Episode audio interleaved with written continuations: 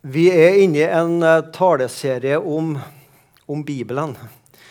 Og det skulle nesten bare mangle at ikke eh, det er Bibelen det handler om når vi er her i Misjonssalen. Eh, vi har noen søndager der vi snakker litt om Bibelen, og så har vi noen søndager der vi gjerne tar for oss søndagens prekentekst.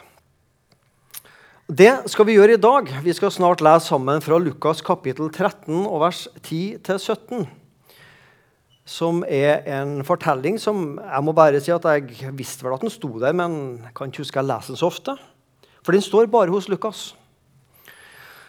Eh, og når vi leser hos de fire evangelistene Matteus, Markus, Lukas og Johannes, så leser vi ord Jesus sa. Vi leser om gjerninger han gjorde. Helbredelser, demonutdrivelser, tegn og under. Og ikke minst så leser vi jo mye om den siste påska. Det er det som er på en måte hovedsaken i Nytestamentet. Det Jesus sa, de gjerningene han gjorde, og den siste påska med lidelseshistorien, kors og oppstandelse. Og Nå skal vi lese om ei krumbøyd kvinne som ble helbreda på en sabbat. Og det, Alle gleda seg over at hun var helbreda. Men ikke alle var like glad for at det var på en sabbat. En sabbat, altså en lørdag, holdt han Jesus på å lære folket i en av synagogene. Og se, Det var en kvinne der som hadde vært plaget av en sykdomsånd i 18 år. Hun var krumbøyd og kunne ikke rette seg opp.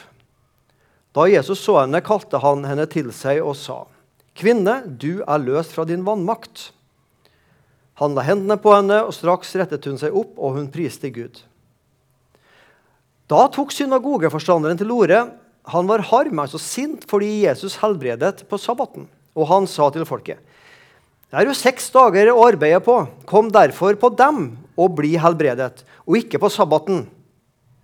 Men Herren, altså Jesus, svarte ham og sa:" Hyklere løser ikke hver av dere oksen eller eselet fra krybben på sabbaten og leier dem ut så de får drikke. Men denne en Abrahams datter, som Satan har bundet, tenk i 18 år. Skulle ikke hun bli løst fra dette båndet på sabbatsdagen? Da han sa dette, ble alle motstanderne hans gjort til skamme, og hele folket gledet seg over alle de herlige ting som skjedde ved ham. Lukas han, han starter med å skrive at eh, Jesus besøkte en synagoge. Og Det jeg skal si nå, er sikkert kjent stoff for de fleste, men jeg tar det bare likevel kort. Synagogen det er jødefolkets gudshus. Sånn som vi har kirke og bedehus, så hadde de synagogen.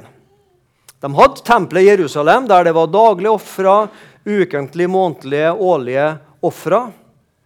Men liksom uka igjennom, når de skulle samles til skriftlesing fra det vi kaller Det gamle testamentet, da, og be sammen, så var det synagogen som var deres gudshus. Altså Det var en synagoge i de aller fleste tettsteder og byer. Men det var bare ett tempel i Jerusalem. Så synagogen var sentral. Og synagoger, det har de ennå. Eh, to i Norge en i Oslo og en i Trondheim. Og Flere steder hos evangelistene så står det at Jesus besøkte synagoger. Nå står det ikke hva slags bygd eller by Jesus her var i, i, i den teksten vi leser sammen her, og det, det, betyr egentlig ingenting. Men det står ofte at Jesus besøkte synagoger. Han pleide av sedvane, står det. Altså han pleide han, av sedvane å gå i synagogen. Og Vi som var forrige søndag og hørte fra Bangale i Kenya, der muslimene ikke bare hver fredag, men altså tre, fire, fem ganger i uka går til gudshuset. Altså, det er en vane. Man kan jo fort tenke blir de lei, og det kan jo godt hende de blir, men, men det er en vane som er bygd inn i dem. Og som Leif sa sist, tenk hvis det var sånn i Sandnes at liksom på det og det og det og det klokkeslettet så kom folk til Misjonssalen og til Klippen og til Gann kirke osv. for å be og høre Guds ord. Det hadde vært fantastisk. Vel, Jesus pleide av sedvane Han hadde, altså, I kalenderen hans så var det liksom kryssa på lørdagen. Da skal jeg i synagogen. Og Den mest kjente av disse synagogebesøkene er den vi leser om i Lukas kapittel 4. Da er Jesus i hjembyen sin, Nasaret. Og der han var født da, måte, Nei, han var ikke født der. var han ikke, nei, nå tok jeg med, det var jo Betlehem, Men der han vokste opp, da. Og så eh, rekker de hans skriftrullen fra Gammeltestamentet.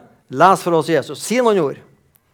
Og så leser han Jesaja kapittel 61, der det bl.a. står at Herren har salva meg med sin ånd for å forkynne fanger at de skal få frihet, og for blinde at de skal få syn, og sette undertrykte fri skal lese en gang til, og så kan du tenke på den eh, historien vi nå har lest om den krumbøyde kvinna. For å forkynne fanger at de skal få frihet, for blinde at de skal få syn, krumbøyde at de skal bli retta opp, og for å sette undertrykte fri. Akkurat det som Jesus der las fra Jesaja 61, det er jo akkurat det vi opplever nå skjer her i denne synagogen. Jesus verdens frelser, Jesus, helbrederen, frigjøreren. Og se, Det var en kvinne der som hadde vært plaget av en sykdomsånd i 18 år. Hun var krumbøyd og kunne ikke rette seg opp. Um, Vannmaktsånd står det også. Jeg vet ikke hva det er. Jeg googla det heller ikke. Men ja, det betyr ikke så mye. Hun i alle fall var i 18 år vært kronisk syk. Og så skjer det noe denne dagen som gjør at hun får et nytt liv. 18 år. Jeg har hatt vondt i skuldra mi her i tre måneder. Jeg syns veldig synd på meg sjøl. Jeg håper at kona syns synd på meg, og det gjør hun av og til. Og når jeg forteller om det, så håper jeg at andre syns synd på meg sjøl. Tre måneder. Det, jeg vet det går over. Nei, men Du kan gjerne spørre meg om ei uke hvordan går det, Svein. Altså, men jeg vet jo det går over. 18 år, bundet av Satan, sier til og med Jesus. Så her har vi med onde åndsmakter å gjøre. En annen plass hos Lukas i kapittel 8 så leser vi om ei kvinne som hadde hatt ukontrollerte blødninger i tolv år. Altså, 12 år, 18 år, det er lenge. Men vi må ikke glemme at når de hadde det, så visste jo ikke de at det skal slutte om to måneder eller om to år og tre måneder. Det ser man jo i ettertid. De tenkte jo dette må jeg leve med resten av livet. Denne kvinna som hadde blødninger i tolv år, og så stimler det folk rundt Jesus. Og Så sniker hun seg fram og så rører hun ved kappa av Jesus. Og Så går det til en kraft av Jesus, og så blir hun helbreda. Og Jesus snur seg til disiplene. Hvem, var det som rørte ved meg? Jeg kjente det gikk en kraft ut av meg. Jo, det var hun. Og hun ble jo redd at hun gjorde noe galt. Det er jo ikke sånn at du bruker opp Jesu helbredelse, liksom at hun fikk så mye kraft, så da det, tapper du liksom det batteriet der. Jesus har nok helbredelse og kraft til det han vil, det han vil gi oss til. Men hun, hun var redd.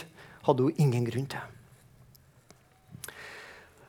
Så, men den kvinna vi leser om i dagens bibeltekst, der skjedde litt annerledes. Jesus la hendene på henne, ba for henne og sa, 'Kvinne, reis deg opp', eller 'strekk deg opp, du er fri'. Det kan vi lese om flere plasser, både hos evangelistene, men også blant de første kristne. Og det om å legge hendene på og be for. Og Når jeg leser en sånn tekst, så må jeg jo liksom gå litt i meg sjøl. Okay, hvor ofte har du, Svein, praktisert det å legge hendene på å be for? Nei, det, det, det, var ikke så mange. Jeg har nå gjort det, men eh. Skal vi be om litt mer frimodighet også i våre sammenhenger? Til at syke kan kjenne på en frimodighet og be om forbønn, salving for syke, og bli lagt hendene på og bedt for? Ja, det tror jeg vi kan. Disippelen Ananias i Damaskus. Han får beskjed av Gud sjøl. Du skal gå til det huset. Der er Saulus. Han har hatt et syn av meg, så han har blitt helt blinda i øynene pga. det skarpe lyset. Du skal legge hendene på han og be for han. Det hadde ikke Ananias hadde lyst til. For han hadde jo hørt om Paulus at han forfulgte kristne. Men han var lydig, og han ba for Paulus, og det fungerte. Så sa jeg nå akkurat det fungerte. Og så vet alle av oss det ikke alltid fungerer. Jeg tror Hvis vi tar en runde, så vil de fleste av oss ha historier. Vi kjenner noen som vi ba og ba og ba og ba for, men ble ikke friske. Men gi ikke opp. Fortsett å be. Jesus la hendene på henne, og straks rettet hun seg opp, og hun priste Gud. Straks så virker det Jesus hadde bedt, og de ordene han hadde sagt. Og det gjør det jo stort sett med Jesus. Det virker jo. Og så retter hun seg opp, og så takker hun Gud for underet som har skjedd. Takken går til Gud, og folket er forundra. Og denne bibelteksten den står bare hos Lukas, akkurat denne fortellinga. Men, men liksom, det som skjer her, det, det kan vi lese om hos flere plasser. Det er en sjuk som kommer til Jesus, eller Jesus ser en sjuk, be for den personen, si noen ord. Den blir helbreda. Og folket takker og priser Gud, og folket er forundra. Så skulle vi jo tenkt da Ja vel, da var jo alt greit, da. Men det var det altså ikke. Synagogeforstanderen jeg er helt sikker på at han gleda seg over at dama var blitt frisk. For all del, det gjorde han. Men hvorfor skulle det skje på en sabbat? Hvorfor skulle det skje på helligdagen? Ja, Er det et problem, da? Altså, Hvis noen har ja, bedt for noen her på en søndag i Misjonssalen og blitt frisk ja, Kom igjen har det er kontortid, altså. Men ikke på møte. Nei, jeg tror ikke jeg ville ha sagt det. Nei, selvfølgelig ville jeg sagt det. Ja, hva var problemet? Igjen, han gleda seg over at hun var frisk. Men som han sier Det er seks dager å arbeide på. Kom derfor og bli helbredet for dem, og ikke på sabbaten. Det er seks dager å arbeide på. Problemet for synagogeforstanderen Han så på dette som et menneskelig arbeid. Og du skal jo helst ikke arbeide på helligdagen. Han så ikke primært som Guds arbeid, men han så på det som et menneskelig arbeid. Og gjør du det, så bryter du liksom sabbatsbudet. For jødene tok og tar fortsatt veldig seriøst sabbatsbudet, altså lørdagen. Alt det du egentlig kan la være å gjøre på sabbaten, som du kan utsette til en annen dag, unngå å gjøre det. du skal gjøre minst mulig. Og Noen har sikkert vært i Israel, og jeg har vært der sjøl og vært der på sabbaten. og Du har tatt, bodd på et hotell og skal ta heis. Da kan du velge en vanlig heis, og du kan velge en sabbatheis. Og Den vanlige heisen der trykker du på, og på sabbatheisen så kan du gå inn i, og så slipper du å trykke. Så går den én for én etasje opp. For du skal ikke gjøre arbeidet og trykke hva slags etasje du skal til. Så du kan bare stå inni, så tar den deg én for én etasje opp. Det tar veldig lang tid da, hvis det er et veldig høyt hotell. da. Men det er sabbatsheisen. Altså, så på en måte gale er det, har det blitt. For du skal ikke gjøre et arbeid. Gud er jo ikke imot at det gjøres et arbeid på sabbaten så lenge det er godt. Og Jesus så jo inkonsekvensen her hos synagogeforstanderen. Eh, om en av dere har en sønn eller en okse som faller ned i brønnen, altså på sabbatsdagen, så sitter vi ikke og venter ja, men vi får vente til søndagen dagen etterpå. Så skal vi dra den opp. Nei, selvfølgelig vil jo også en jøde der gjøre det arbeidet å få opp oksen. Og hvis man gjør det med en okse, hvorfor alle dager skal man ikke gjøre det med ei kvinne som har vært syk i så mange år? Det var litt om bibelteksten. Uh, og Det jeg skal si videre nå, det handler ikke så mye om helbredelse. Det handler egentlig ikke sånn sett om helbredelse. Men jeg har tenkt med meg sjøl eh, Hva kan vi få ut av den teksten her, sånn litt sånn for oss alle? Om vi ikke altså, Ja, for oss alle, da. Krumbøyd. Og når jeg, når jeg smaka på det ordet krumbøyd, så, så tenkte jeg på noe Martin Luther sa om oss mennesker. Vi mennesker vi er ikke krumbøyd som Martin Luther, men vi er innkrøkt i oss sjøl. Har du hørt det begrepet? Å være innkrøkt i deg sjøl. Du vet hvordan det er hvis du har vondt i magen eller noe sånt, og du legger deg på sofaen og du, og du krøker deg sammen. Liksom, du, du, gjør deg så liten som mulig. Du krøker deg sammen. Og Hvis du la spinne litt i hodet ditt og har litt kreativitet hvis Du tenker liksom, du, du nesten krøker deg inni deg sjøl. det ser jo litt rart ut, da. Men, men, vi som mennesker vi er altså innkrøkt i oss sjøl. Det innkrøkte mennesket. Her har du bilde av tre ja. Du kan jo kanskje lure på han der øversten, hva han gjør der. Vet du hvem han er? Har du sett filmen 'Ringenes herre' av han tolken? Det er Gollum. Og Gollum Nå skal jeg ikke ta hele den historien, men Gollum var en skapning som ble så besatt av å finne ringen, ringenes herre. Hele hans tilværelse handla om å få tak i ringen. og Han fikk tak i den, og han ble på en måte et innkrøkt skapning. For alt handla om han sjøl, seg sjøl, ringen, ha, eie, meg og mitt. Det er det innkrøkte mennesket. Gollum. Bare må ha. My precious ring. Min dyrebare ring. Det er min, det er min, det er mitt.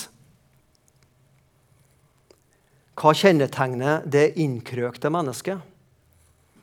Du skal få tre stikkord. Jeg, meg, mitt. Det er ikke sikkert du kjenner noen sånne, men, men de som er veldig opptatt av jeg, meg og mitt Og det er vi egentlig alle, skal vi være ærlige med oss sjøl. Det kan vi oppleve litt ulikt, men vi er syndere, og vi er innkrøkte mennesker. Og av og til så, Bare for å ta en par eksempel. Vi har alle opplevd å sitte og snakke sammen med mennesker som er ekstremt opptatt av bare snakke om seg og sitt. Og hva man arbeider med, og sine barn og barnebarn osv. Bare seg og sitt hele tida, og du får aldri spørsmålet tilbake. Ja, hvordan er det med deg? Hvordan er det med dine? Og jeg har sikkert sjøl vært et sånt menneske og er det litt oftere enn jeg liker å tro. Mennesker som snakker uten å lytte, bare forteller om seg og sitt. Det er en del av at vi er innkrøkte mennesker. Så skal jeg være litt personlig. Det høres jo dumt ut, det jeg skal si nå. Nå ble ikke kona med i dag, og det var jo kanskje litt greit. Men det er av og til sånn at vi skal ut og handle sammen kona og meg. Vi skal ut og handle sammen på Rema eller Kiwi. eller hva vi handler. Uh, og som det tjenersinnet har og ydmyk som jeg er, så bruker jeg alltid å starte å skrive på handlelista. For, bare for liksom å komme i gang. Eh, og så eh, går inn til henne og sier jeg, nå har jeg starta på handlelista. liksom. Jeg tjener sin, og så begynner jeg å lese opp. Og det har jo ikke bare skjedd én gang, men det skjer ganske ofte at hun sier ja, du har skrevet, list, du har skrevet på listene alle varene du sjøl vil ha. Eh, ja, ja, det har jeg. Ja, ja, men det var jo liksom, jeg måtte begynne en plass. bruker jeg unnskylde meg da. Og tragedien er jo ikke at jeg begynner å skrive eh, det jeg sjøl vil ha. Men tragedien her det er at dette skjer jo ofte. Og Denne talen her hadde jeg skrevet ferdig på fredagen. Og jammen meg i går så skulle jeg ut og handle igjen. Og da skjedde det samme om igjen. Ja, men Sven, du har bare skrevet ned de varene du sjøl skal ha. Nå kan vi jo skrive det vi skal ha, for vi skal jo ha besøk. Det kommer også noen andre. Ja, ja, ja. ja. Det er jo ikke bare meg det handler om. Nei, nei riktig. Det var ikke så veldig stor synd, det der, men eh, det bor i meg. Det bor i oss alle. Jeg, meg, mitt sjøl først. Det innkrøkte mennesket vi har en tendens til å overvurdere oss sjøl. Hva vi kan, hva vi er flinke til, og gjerne fortelle det. Husker du han der unge rike mannen som kom til Jesus? 'Jesus, hva skal jeg gjøre for å arve evig liv?' Mm -hmm. Det innkrøkte mennesket overvurderer seg sjøl. Men, eller også, det innkrøkte mennesket undervurderer seg sjøl. Anklager meg, fordømmer meg, jeg snakker meg ned. Vi er aldri gode nok. Det er ingen som liker meg. Jo mer synder, jo mer synder jeg er, eller gjør, jo, og innrømmer, jo mer fornøyd er Gud med meg. Egentlig, Jo dårligere jeg har det, jo bedre har jeg det egentlig.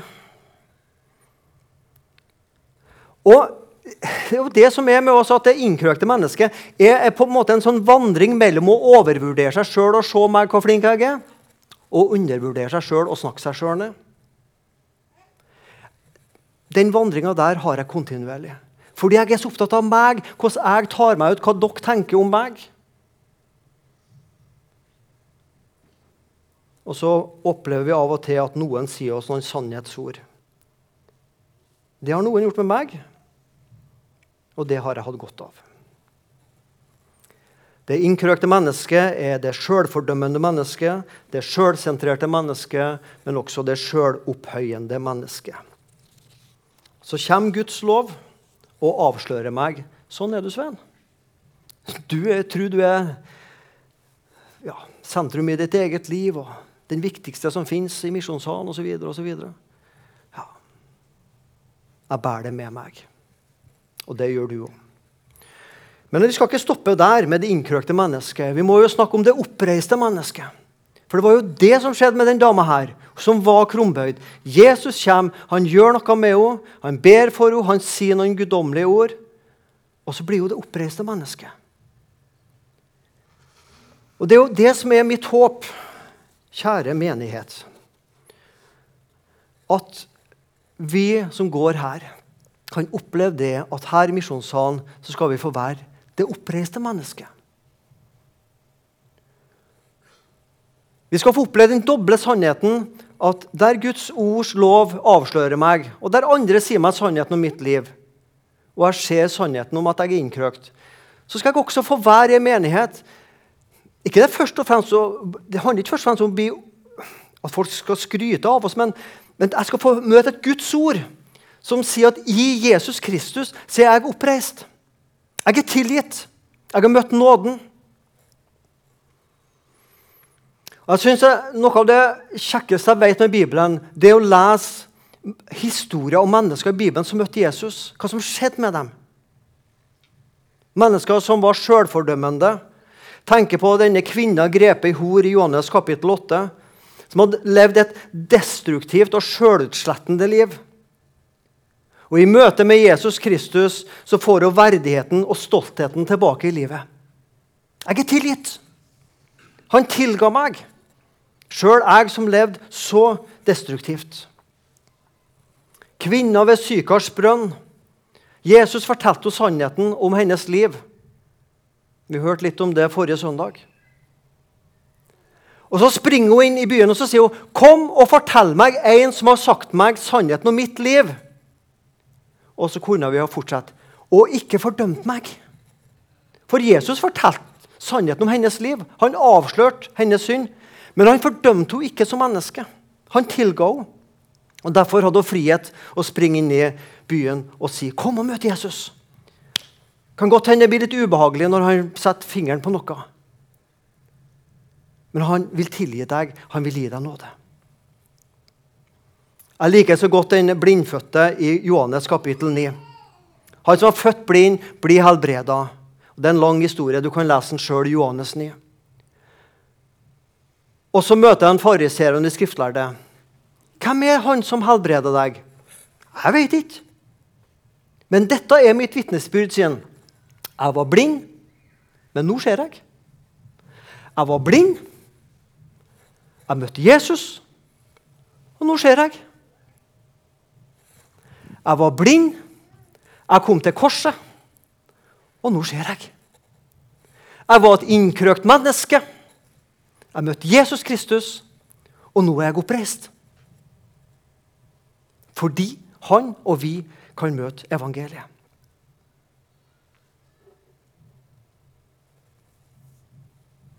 Jeg er et oppreist menneske fordi jeg er oppreist med Kristus. Jeg er et oppreist menneske fordi jeg er oppreist med Kristus. Skal vi si det sammen? Jeg er et oppreist menneske fordi jeg er oppreist med Kristus. Vi tar det på bokmål, gjør ikke vi det? Dere trengte å si 'jeg', vet du. Sånn, det er det. Jeg er et oppreist menneske fordi jeg er oppreist med Kristus. Det kjenner ikke jeg så veldig når jeg står opp fra senga om morgenen. Yes, halleluja, jeg er oppreist med Kristus! og ho, Men det er noe jeg tror. Det er noe jeg bekjenner. Det er noe jeg vet fordi Guds ord sier det. Det oppreiste mennesket. Når du går ut her i dag, så håper jeg du har kjent at Guds ord fikk møte deg med sannheten om ditt liv, også som en synder. Men jeg håper mest av alt at du kan gå ut og kjenne jeg er tilgitt. Jeg lever i et nådens fellesskap med Jesus, og jeg lever i en menighet der nåden er til stede.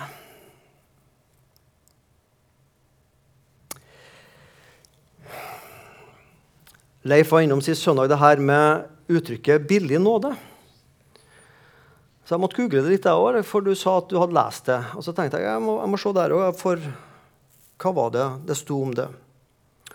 Og det var altså en tysk teolog under andre verdenskrig som han ble tatt av dage av Hitler mot slutten av krigen. Dietrich Bonhoeffer het han. Han døde under andre verdenskrig. Og Han skrev dette i en av sine bøker. Billig er den kristendom som er uten kors. Billig er den nåde som er uten oppgjør og uten offer. Billig nåde er den nåden vi gir oss selv. Kostbar er den nåden vi mottar av Kristus. Er det for sagt det så godt? Og Helt fantastisk. Vi tar det en gang til. Billig er den kristendom som er uten kors. Billig er den nåde som er uten oppgjør med synder og uten offer. Billig er den nåde som vi gir oss sjøl. Lett å tilgi seg sjøl. Men kostbar er den nåden vi mottar av Kristus. Nåden Martin Luther skrev om kostnaden, kjærligheten. Det handler om hva det kosta Kristus å gi sitt liv for oss. Kostnaden. Nåden er kostbar fordi den kosta Jesus livet. Derfor må det som var kostbart for Gud, ikke bli billig, enkelt og til slutt likegyldig for oss. Nåden er gratis, men den kosta Jesus alt. Kvinna ble oppreist. Kristus vandra noen måneder til, så måtte han dø. Men han ble også oppreist. Og fordi Kristus er oppreist fra de døde, så sitter vi her som tilgitte syndere oppreiste mennesker. La oss takke Gud for det.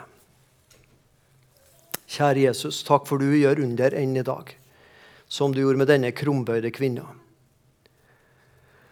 Så sitter vi her, en del mennesker som mer eller mindre vet denne sannheten, at vi er innkrøkt i oss sjøl. Så sjølopptatt som vi kan, av og til kan bli noen av oss. Men også så sjølfordømmende. Men takk, Jesus, at i deg ved din kors og ved din oppstandelse så er vi oppreist til et nytt liv. Og vi kan gå ut i denne dagen og hver dag i uka som kommer, og si vi er oppreist med Kristus fordi Kristus sto opp fra de døde for våre synder. Takk for det er sant for oss, takk for det er sant for barna og de unge som nå er på Ungkirka.